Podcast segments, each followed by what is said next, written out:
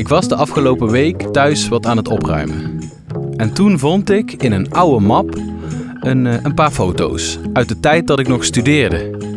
Ja, en op eentje stond ik met een groepje vrienden ergens op een feestje. Ja, een, een lachend clubje jonge mensen. We hingen in elkaars armen. Iemand had om eh, onduidelijke redenen een enorme cowboyhoed opgezet. En eh, toen dacht ik: shit. Ja, ik mis dat. Misschien moet ik een reunie organiseren of zo, want echt, ik, ik mis die tijd. Hoe we toen waren. Dames en heren, welkom bij Luisterruit, de NS-podcast voor in de trein. Met mooie verhalen over één thema maken wij van jouw ritje in de trein een reis.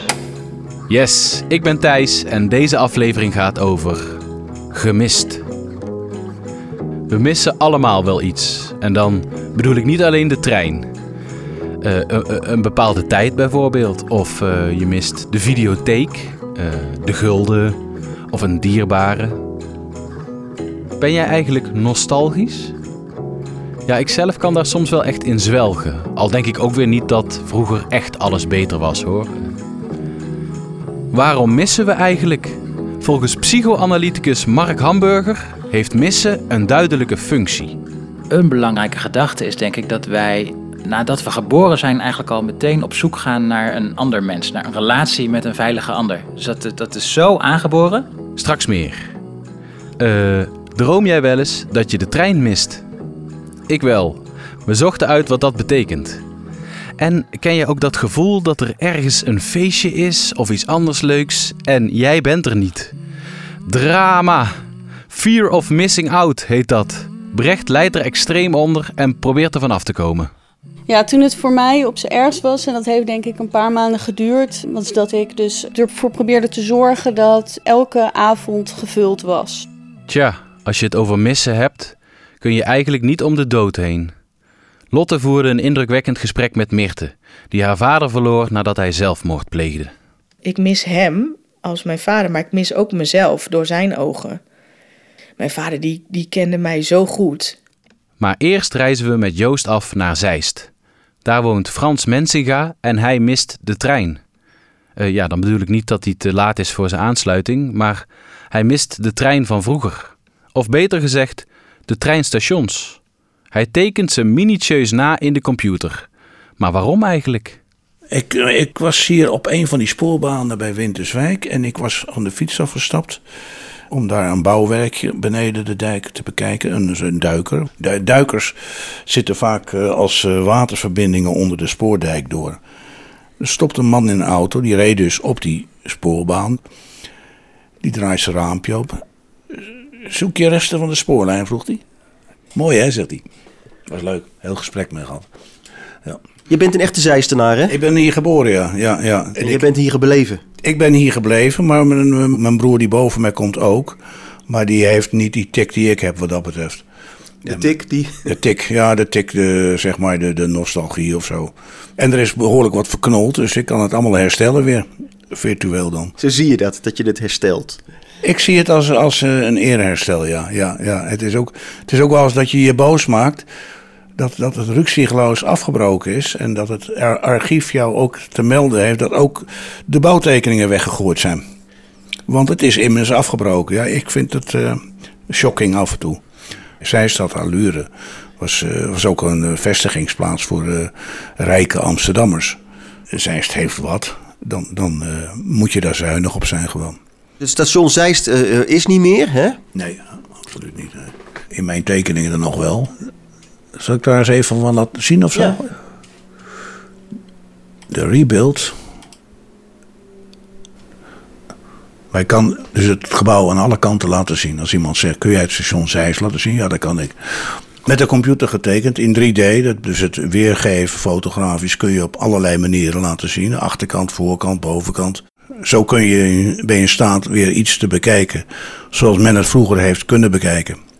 Dat is ook de fascinatie die ik ervoor heb. Ik zie het toiletunit is dit. WC vrouwen, hè, daar stond er. En mannen. Het is heel precies, hè? Uh, ja, anders dan werkt het niet. Dan, het, het, is zo precies dat mensen zeggen: hey, we hebben die foto gemaakt. Ik was uh, al jaren bezig met het tekenen van die gebouwen op basis van foto's. Maar er zijn vrij weinig foto's beschikbaar van... Uh, van dit lijkt wel of het een schandvlek voor de Zeist was. Want ik vind haast geen foto's van het station. Niemand vond het schijnbaar de moeite waard. En wat heeft het voor jou voor waarde? Want je, je zei net ook dat je soms boos wordt dat mensen bouwtekeningen weggooien of zo. Wat heeft het voor waarde? Dat ik zie met hoeveel liefde sommige gebouwen gemaakt zijn. Gewoon met zorg, liefde, vakmanschap. Doe het maar eens na. Dus is een waardering voor, eh, voor de generatie voor ons. En dat dat, dat uh, met, met, met een zeker genoegen gewoon met een sloophamer neergehaald wordt. Belachelijk gewoon. Maar ik heb de spoorkaart uit 1930 helemaal overgetekend. Omdat ik hem zelf wilde hebben en nergens kon vinden. Dit is de kaart die ik getekend heb. De nog bestaande spoorlijnen zijn, zijn zwart. Ik zie een groene, wat is daar? Dat is een museumlijn geworden. En dit rood heb ik deze gemaakt, maar dat zijn de verdwenen lijnen. Dit is de verdwenen lijn vanaf Apeldoorn naar Zwolle. Prachtige fietsroute trouwens, die heb ik gefietst. Uh, die gaat langs het paleis het Loo, want Loo had zijn eigen station natuurlijk. Uh, een beetje koninklijk huis heeft een eigen station. En dan zei ik net Winterswijk, dat is natuurlijk een prachtig verhaal. Even kijken hier. Dan zie je gewoon dat dat helemaal verdwenen is hier. Maar het station was gigantisch groot, maar dat is helemaal gereduceerd tot, tot een heel simpel stationnetje. Maar vroeger was dat een enorm complex. Waar een mooi voorbeeld. Twee stations. Twee concurrenten. En dat laat ik op de kaart ook zien. Dit is het, uh, het eindstation. Dat is nu uh, restaurant De Generaal. En dan moest je dus gewoon uitstappen, de weg oversteken... om dan naar het station van de, van de staatsspoorwegen te gaan. Je bent hier vroeger niet overal geweest? Nee. Ik ben niet eens echt een treinreiziger. Ik reis wel eens per trein, maar... Maar is het, is het iets nostalgisch wat je aan het doen bent? Of wat? Ja, ik denk het wel een beetje. Ja, ik denk het wel. Ja ik wil het wel kunnen zien. Ik, ik heb waardering voor, voor, voor de geschiedenis. Ik, ik, ben van mening dat wij uh, met z'n allen op een, uh, tijdelijk op een podium staan... waarvan de decor uh, langer meegaat dan de acteurs. Dus dat, dat is mijn gevoel altijd. En dus alles wat je ziet, hebben mijn voorouders misschien ook gezien. Dat vind ik fascinerend. Of dat ze het daar neergezet hebben zelfs. En, en mis je dit eigenlijk ook? Ik mis wel een beetje dat de, de, de dynamiek, uh, de dynamiek van, van vervoer. Ik vind een bus niet, niet, niet te vergelijken met het, met het hele treinwezen. Dat, dat zijn natuurlijk machtige machines. En er zit vaak een hele historie achter, omdat eigenlijk toch ja, sinds begin 1800 is men bezig met die infrastructuur op te zetten. En die is vaak nog aanwezig. En dat mis je dan wel, dat zo'n plaats het niet meer heeft gewoon. Dat uh, fysici toch weer wint. Ja.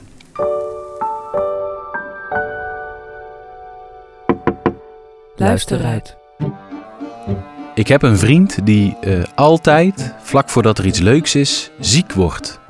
Als hij jarig is, of met kerst, carnaval, altijd belt hij een dag van tevoren op en dan zegt hij: Ja, shit man, ik, uh, ik heb de griep of uh, mijn enkel verzwikt.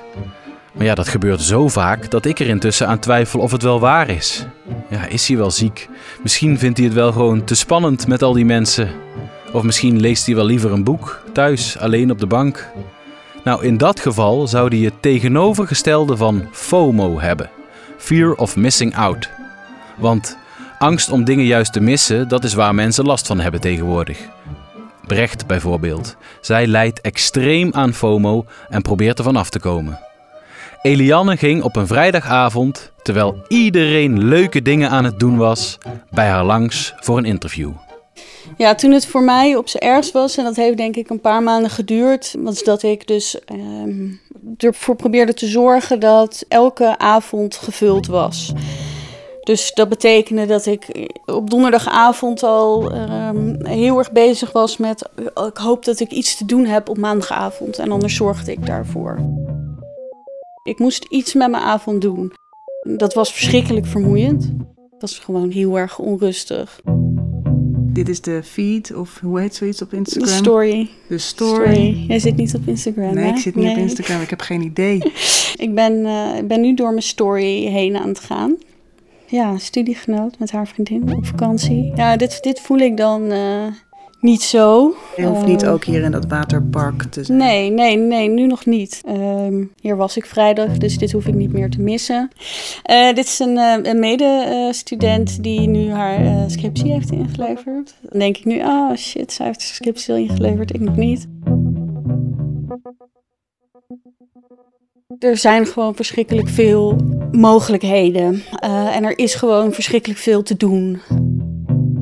Het is voor mijn gevoel ook een beetje eh, omgeslagen in de zin dat, je, dat het dus meer een soort statussymbool is op het moment dat je lang van social media af kan zijn. Want als je namelijk zo'n, nou ja, dit gaat misschien wel ver, maar als je zo'n steady beeld over jezelf hebt ontwikkeld, dat mensen weten dat je ook nog cool bent als je niet een paar weken op social media zit, ja, dan heb je natuurlijk wel, eh, dan doe je het goed, zeg maar. Als je jezelf niet hoeft te bewijzen op social media. Oh ja, Down the Rabbit Hole, dat is wel even een moeilijke nu. Dat, eh, dat weet ik ook nog van vorig jaar. Dat is, ja, dat is denk ik wel gewoon een peak FOMO dingetje. Ik denk dat dan eh, ongeveer eh, zeven, letterlijk 70 mensen die ik volg dan dus daar zijn op dat festival. 70. Ja, ja, ik denk dat ik oprecht misschien meer mensen ken die er wel zijn dan mensen die er niet zijn. Dan gaat het dus vooral om, om, het, om alle dingen die daar ontstaan en al het contact, onderlinge contact dat daar is. Eh, Je bent bang dat zometeen 70 mensen een onderrondje hebben en dat jij er buiten staat. Ja, precies. Ja, Dat weet je toch dat ja het dat, niet zo dat is? iedereen het over mij heeft. Nou, dat hoop ik dan. Dat natuurlijk. iedereen het over jou heeft. Ik heb wel een tijdje gehad dat ik echt absoluut geen werkvergaderingen wilde missen. Omdat ik dan bang was dat mensen het over me zouden hebben. Nou, dat is, ja, god, ik, ik, ah, ik, ik klink wel, eh, Neurotisch. klink wel als neurotisch, hè? alsof, ik, alsof ik hier iets zou mee zou moeten doen. De klassieke FOMO gaat om, om bang zijn om leuke dingen te missen. En er dan dus vervolgens ook niet eh, over mee te kunnen praten. Doe ik wel genoeg met mijn leven? Eh, heb ik wel genoeg mensen om me heen? Heb ik wel genoeg sociale contacten? Ben ik nu expres niet uitgenodigd voor iets? Ehm, ja, en dat komt, dat komt voor een groot deel natuurlijk ook wel door social media. In mijn geval vooral Instagram. Want ik denk dat bang zijn om, om leuke dingen te missen niet per se iets, iets eh, nieuws is. Ehm, maar ja, wat het verschil is van de afgelopen vijf jaar is natuurlijk dat je continu geconfronteerd wordt met dat wat je mist. Ik had met Koningsdag, eh, god is ook weer zo'n verhaal. Nou ja, mm, als je mijn leeftijd hebt, dan vragen mensen vier maanden van tevoren, vlak na oud en nieuw, al, wat ga je doen met Koningsdag? Ehm, en ik heb er gewoon echt een hekel aan, omdat het altijd gewoon teleurstellend is uiteindelijk. Maar ik wilde ook weer dan niet, ik wilde ook weer niet thuis zitten. Dus toen ben ik eh, een aantal dagen gaan eh, wandelen in de bergen van Zuid-Polen. Om die Koningsdag niet mee te hoeven maken. Maar ik was daar toen op dat moment wel ook heel eerlijk over. Dus als mensen mij vroegen, wat ga je doen met Koningsdag? Dan zeg ik ook, ja, nee, ik, ik, ga, dus, ik ga dus even weg. Want ik wil Koningsdag niet meemaken, maar ik wil het ook niet missen. Dus ik wil een reden hebben om, eh, om er niet te zijn.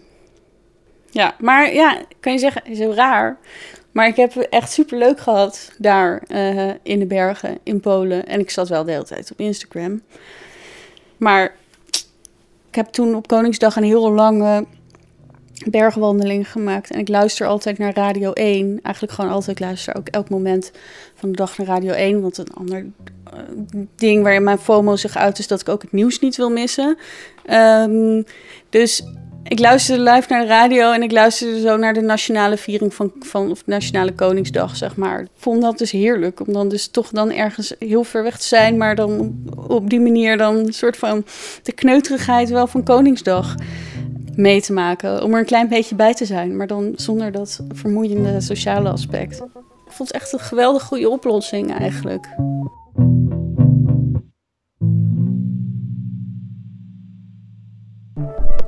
Wat een lastig probleem.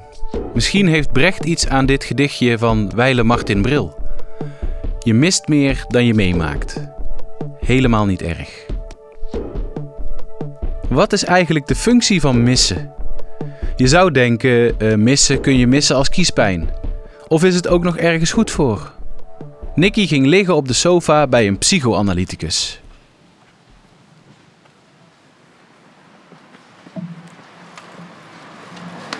Kom verder. Hallo. Hallo.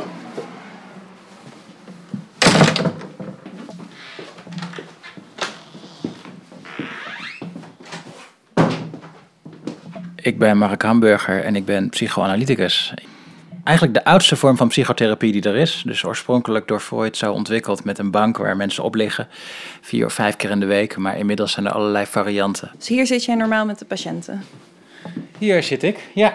En mijn patiënten die zitten of tegenover me daar in die stoel, of sommigen liggen hier op de, op de bank. Oeh, de psychologie van het missen. Ik weet niet of ik de pretentie heb om die te kunnen verwoorden, maar een belangrijke gedachte is denk ik dat wij, nadat we geboren zijn, eigenlijk al meteen op zoek gaan naar een ander mens, naar een relatie met een veilige ander. Dus dat, dat is zo aangeboren. Dat is eigenlijk de meest primaire drang die we hebben. En dat is ook wel begrijpelijk, want die behoefte die dragen we met ons mee, omdat we niet gemaakt zijn om in de natuur in ons eentje te overleven. Dus de behoefte naar een ander is zo fundamenteel dat als die ander er niet is, dat dat een heel ongemakkelijk gevoel in ons teweeg brengt. Gelukkig maar, want we doen er ook alles aan om ongemakkelijke gevoelens weg te werken. Dus zo komt dat heel mooi samen, zodat we op zoek blijven naar veilige hechting. Ja, dat vroeg ik me inderdaad ook af van, heeft het een evolutionair nut? Ja, dat, dat, dat zou je dus eigenlijk in dezelfde lijn kunnen zien als het evolutionaire nut van, van een relatie, van een, een ander hebben.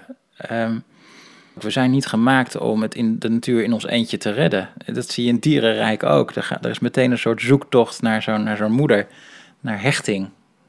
Er is onderzoek gedaan met aapjes, uh, gelukkig niet met kinderen, maar we hebben het helaas met kinderen ook gezien in Oost-Europese weeshuizen. Dat als die gewoon te eten krijgen en gewoon een warm uh, doekje, ze, ze, hebben het niet koud, ze hebben geen honger, maar er is verder geen enkele affectieve betrokkenheid of aandacht van het personeel. Dan gaan die kinderen dood. Maar waar gaan ze dan dood aan? Ja, dan zou je dus ook, als je dat. Nou, dan, ga je toch iets psychologisch, wil je dan medisch verklaren. Hè? Dus waarom sterft het lichaam als er geen psychologische affectie is? Het blijkt zo te zijn. We hebben het vermogen om, als we een dierbare kwijtraken, om daar door middel van rouw op een of andere manier mee te leren leven op een gegeven moment. En het niet kunnen accepteren en het niet kunnen verdragen van het gemis of van het tekort, maakt dat je eigenlijk blijft zitten in wrok en in rancune en in frustratie. Dat als je een kans mist, of een trein mist, of een ander mens mist, dat verdragen helpt heel erg om te kijken naar wat er wel is. Hoe laat komt de volgende trein? Wat kan ik wel doen? Na deze gemiste kans? Welke mogelijkheden zijn er nog wel? Wie is er wel voor mij? Naast degene die ik nu ben kwijtgeraakt. Het, het, het kunnen voelen en het kunnen lijden en het kunnen missen is dus een enorm menselijk vermogen om ook te kunnen zien wat er wel is. Iemand die um, een ander mens mist, bijvoorbeeld na een relatiebreuk of na een sterven, die gaat helemaal niet in therapie. Die komt helemaal niet naar een therapeut toe. Die heeft daar zo de, de mogelijkheden wel voor om daarover te rouwen. Het kost een jaar, het kost twee jaar, soms kost het drie jaar. Het gaat misschien in sommige gevallen een heel leven niet meer over. Maar dat zijn nou echt dingen die horen bij het leven. We missen mensen, we raken mensen kwijt. Dat doet pijn en dat doet, maakt verdrietig en dat maakt boos en dat doet ons hulpeloos voelen en daar dealen we mee. Ja, dus dat is wel grappig, want missen wordt denk ik wel gezien als een problematisch gevoel. Of tenminste, mensen denken: oh, dit is, dit is niet fijn, ik wil dat dit weggaat.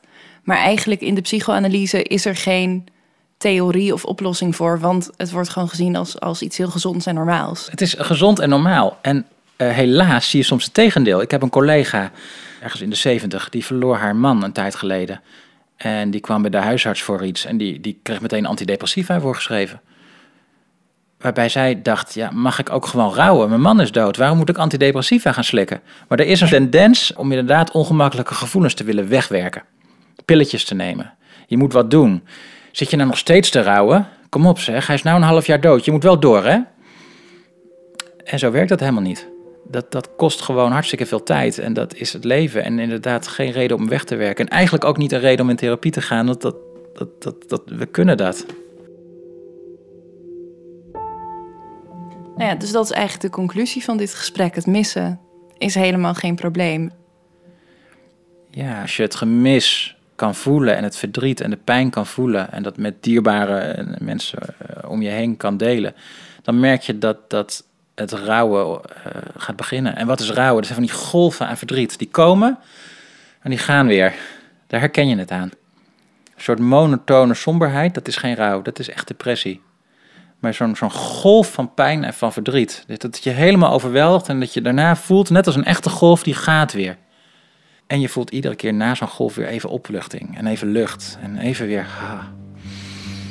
Nou ja, in het ergste geval is het natuurlijk een paar uur later weer heel erg naar en verdrietig en pijnlijk. Maar dit is nou echt typisch een kenmerk van zo'n rouwproces waar we eigenlijk uh, blij mee moeten zijn dat we dat hebben. Dat we kunnen missen. We kunnen dus eigenlijk bijzonder goed omgaan met missen. Maar makkelijk is het niet. Ik merk het helaas ook dat hoe ouder ik word, hoe meer ik het meemaak. Het verliezen van mensen om me heen, soms heel dierbare. Lotte sprak met Mirte over haar vader, die er zelf een einde aan maakte. Er zijn natuurlijk bepaalde momenten dat iedereen zich kan voorstellen dat je iemand mist. Verjaardagen, sterfdata. Het ergste zijn eigenlijk de kleinere momenten. Gisteren moest ik geld overmaken aan iemand en die had dezelfde voorletter. En toen zag ik ineens dat zijn rekeningnummer er nog in staat met zijn naam. Dan gaat het helemaal soort van door je heen. En dat zijn allemaal niet de momenten die je. Ga je niet per se iemand overbellen of zo.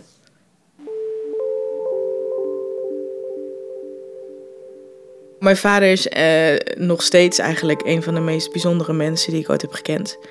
Uh, journalist, uh, in hart en nieren. Daar heb ik het ook van. Ik ben zelf ook journalist.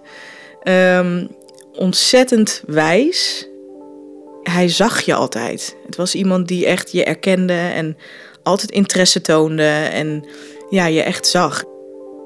Ik belde hem ook echt zo vaak dat hij soms opnam van, ja, wat moet je nou weer, weet je wel.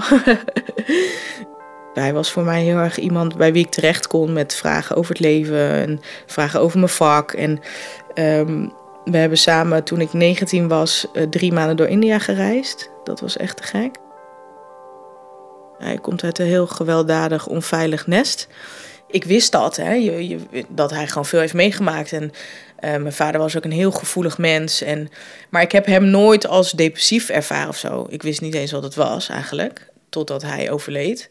En uh, toen op een gegeven moment raakte hij een beetje overwerkt. Dat was een beetje het idee wat we hadden. En ik weet nog heel goed dat ineens mijn moeder zegt: We hebben papa naar de paas gebracht. Dus de psychiatrische afdeling van het ziekenhuis. Want uh, ja, het gaat toch niet zo goed. Ik was helemaal in shock. Ik dacht: Hè, waar komt dit dan ineens vandaan? Dat had ik helemaal gemist. Ik heb helemaal niet opgepikt dat dat zo erg was. En toen uh, dinsdag werd ik gebeld. Toen stond ik op Amsterdam Centraal of All Places. En dat was mijn moeder en die gilde... Meerte, kom naar huis, papa heeft zelfmoord gepleegd. En toen, dat is echt als in een film, zeg maar. De soort van de wereld stond stil. En die ging heel langzaam om mij heen bewegen. En ik dacht, wat? En ik, maar ik hoorde ook heeft gepleegd.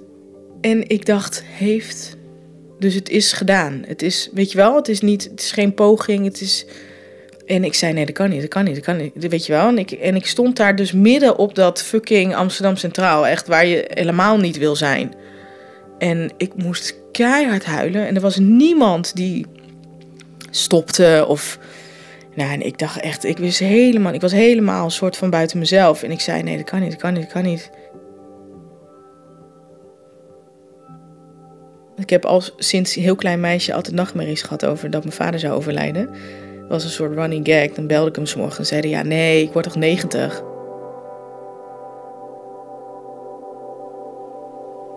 Als je iemand heel erg mist, dan mis je ook jezelf door iemand, iemands ogen. En dat is ook iets wat ik heel erg heb geleerd. Van, ik mis hem als mijn vader, maar ik mis ook mezelf door zijn ogen. Ik mis ook wie ik was voor hem hè, wie ik was als dochter. Of mijn vader, die, die kende mij zo goed. En de manier waarop hij naar mij keek en de manier waarop hij grappen over me maakte of zo. Weet je, je voelt je echt gezien. En ik dacht, ja, jij, snapt mij. En nu komt natuurlijk het hele trouw gebeuren. En dan kan ik al denken van, hè, wat, hij, hij was een hele goede speecher, weet je wel. Van wat voor geweldige speech hij zou kunnen geven, weet je wel.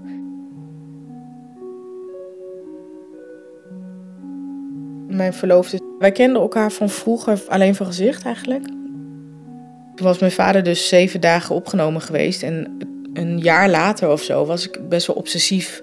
Dat ik dacht, ik moet die laatste dagen reconstrueren of zoiets. Of ik wil weten wat daar is gebeurd. En toen dacht ik ineens, hey, ik, volgens mij heb ik toen gehoord dat hij ook opgenomen was. En toen heb ik hem een bericht gestuurd van, goh, ehm, heb jij mijn vader nog gezien?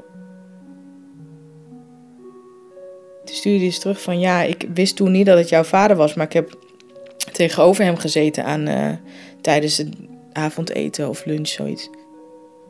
Dus mijn vader die keek hem aan en die knikte naar hem zo weer dat erkennen van ik zie je, weet je wel. En eh, hij dacht eerst dat mijn vader een van de psychiaters was, door, omdat hij blijkbaar er netjes uitzag of zoiets. En toen later hoorde hij dus dat het mijn vader was.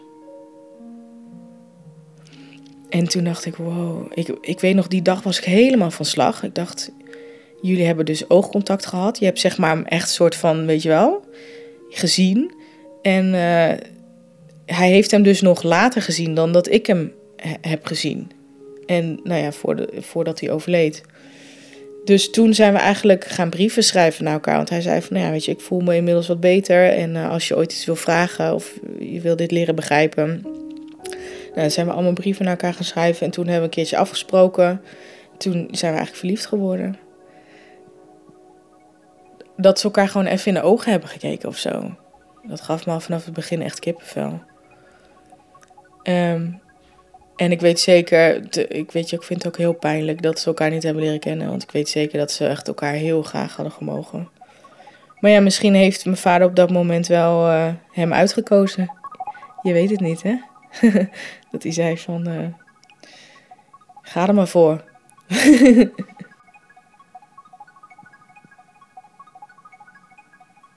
Als je iemand heel erg mist, en, en, en je ziet bijvoorbeeld op dat moment een vlinder, of ook al word je gestoken door een wesp, weet ik veel wat het is. Als jij op dat moment denkt, dat is mijn vader, moeder, oma, whoever, dan is dat zo. Als ik denk, goh, dat oogcontact heeft dat betekend, dan mag dat, dan mag dat zo zijn.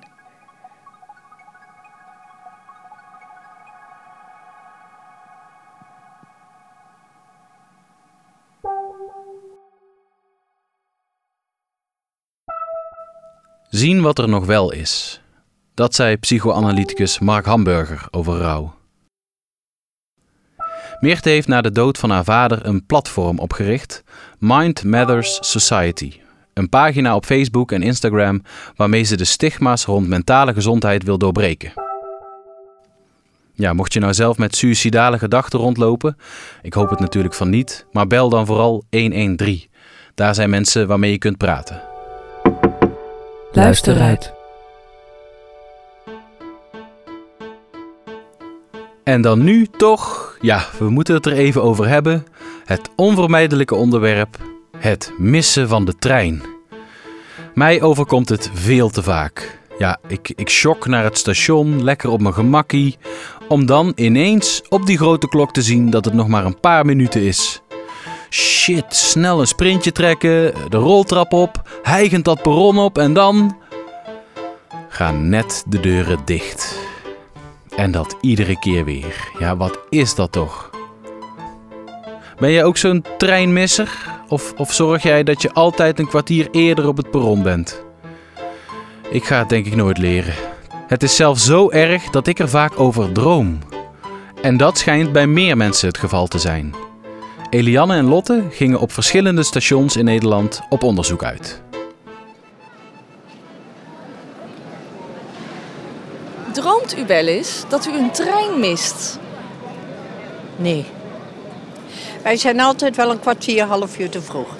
Zowel mijn man als ik. Dus uh, wij zijn altijd te vroeg. Nou sta ik ook weer te vroeg, half uur. Oh nee, daar komt mijn dochter al. Dus. Dank u wel. Graag gedaan. Tot ziens. Droom jij wel eens dat je een trein mist? Een trein mist? Ja. Uh, Maar alleen als ik op bijzondere reizen ga, zeg maar. Zoals nu ga ik op vakantie en dan is het toch wel een beetje gedoe van... Ga ik het redden? Heb ik de goede trein? Dat soort dingen. Uh, dus dan droom ik dat soort dingen wel eens. Maar niet met normale, onder normale omstandigheden. Wat betekent het, denk je? Ja, precies. Toch een beetje stress over de reis. Heb ik dat goed geregeld? Heb ik het goed uitgezocht? Genoeg tijd over om, om die trein te missen? Dat soort dingen. En mis je in het echt ook wel eens een trein? Nee, nooit. nee, ik ben altijd heel erg op tijd met uh, ja, weggaan en dat soort dingen regelen. Dus. Van de week droomde ik dat ik aan het lunchen was met mijn vader of zo. En toen zei ik, nou ja, ik heb vrijdag een afspraak. Toen zei hij, huh, je hebt vrijdag een afspraak, maar het is vandaag vrijdag. En toen keek ik op mijn telefoon en toen was het dus echt vrijdag. Ja, ik, was, ik schrok heel erg, want ik, bedoel, was, ik, ik had die afspraak. Is dan in je droom zo super belangrijk ineens? Dus het was drama. Maar ik werd ook wakker daarna. En toen ging ik kijken op welke dag het was. En toen was het gelukkig nog maar woensdag. Droom je wel eens dat je de trein mist? Nou, weet ik niet. Misschien wel eens gedroomd, maar ik zou het me niet... Nee, dat kan ik me nu even niet zo terughalen. Jij? Nee, ik ook niet. Dus volgens mij zijn we redelijk zen. Dat het echt Nou. niet zo gehaast dat je de trein op, de, op het vliegtuig mist. Nee. Nee. Nooit? Nee. Eigenlijk nooit. Nee. Maar ik neem ook altijd één, twee treinen te vroeg over het algemeen. Ik hou van echt op tijd zijn. Dus ik maak me nooit zorgen over dat ik te laat kom eigenlijk. Ik ben al- altijd bang om hem te missen, dus ik ben altijd ver van tevoren aanwezig. Dus ik zit altijd 20 minuten te wachten. Dus ja, ik mis hem bijna nooit. Je hebt van die eh, boekjes waarin staat wat dingen betekenen als je het, ehm, als je het droomt, hè? Ik zou niet weten wat dat betekent. Misschien dat ik ehm, heel bang ben om dingen te missen. Dat je een kans had moeten grijpen, zo vat ik hem een beetje op of zo. Of dat je voelt dat er iets van je weggaat wat je niet, waar je geen grip op hebt. Ik heb wel dat soort dromen. Wat denk ik daaraan aan, eh, dat, je, dat je valt of dat je iets mist of dat je geen grip op hebt? Nee, ik niet. Nee? Ik rijd nooit met de trein namelijk ook. U rijdt nooit met de trein. Wat doet u hier dan? Nou, nou, voor het eerst. Sinds jaren. Echt waar? Ja. Ik droom er niet van, maar ik heb wel heel vaak mijn trein gemist. Dat was mede door, door school dat ik me versliep of dat ik eh, ja, zat te treuzelen en dan, ja, dan mis je je trein. Maar ik heb er nog nooit een nachtmerrie over gedroomd. Dus dat ik dacht van, shit, ik ga mijn trein missen. Dat ik zo die trein naar mijn neus voorbij zie gaan. Nee, dat niet. Maar ik heb hem wel vaak gemist. Het is een theorie dat mensen die heel vaak dromen dat ze de trein missen, hem dus in het, in het dagelijks leven, of in, in de realiteit, nooit missen. Dus misschien is het andersom ook zo. dat zou goed kunnen. De Intercity naar Leiden Centraal. De Intercity naar Leiden Centraal vertrekt over ongeveer 10 minuten. Soms mis, mis, mis ik eh, trein en, voel ik eh, voel mij echt niet goed. Iedereen wil eh, precies op tijd eh, komen. En eh, nu mijn trein is binnengekomen. Dan. Dankjewel. Ja, dankjewel. Doei. Of je er nou wel of niet over droomt, de trein missen, dat wil je natuurlijk voorkomen. Maar het missen van een dierbare, eh, iets van vroeger of, of zelfs een feestje, heeft zin. Al is het misschien geen prettig gevoel en ik kan me ook voorstellen dat je het weg wil stoppen of er vanaf wil, maar volgens mij gaat het in de kern om iets goeds. Dat wat je mist had namelijk betekenis voor je. Het, eh, het was waardevol en die dingen maken het leven mooi. Toch denk ik dat ik die reunie eh, maar laat zitten. Dit was Luister uit. Leuk dat je luisterde. En gesproken over gemis, dit was voorlopig de laatste aflevering. Ik ga jullie in ieder geval enorm missen. En jullie ons misschien ook. Gelukkig kun je alle oude afleveringen terugluisteren via je podcast-app. Luisteruit is een podcast van NS voor in de trein en werd bedacht door Manon van Hoekel en Tom Loijs. De items werden gemaakt door Nicky Dekker, Lotte van Galen, Pascal van Hulst, Babette Rijkhoff, Joost Wilgenhof en Eliane Meijer. De muziek is van Victor van Woudenberg, Tessa Douwstra en Pascal van Hulst. Techniek Alfred Koster en eindredactie Emmy Kollau. En mijn naam is Thijs. Maar eigenlijk Twan van Bracht. Weten jullie dat ook weer? Dat was hem. Tot ooit.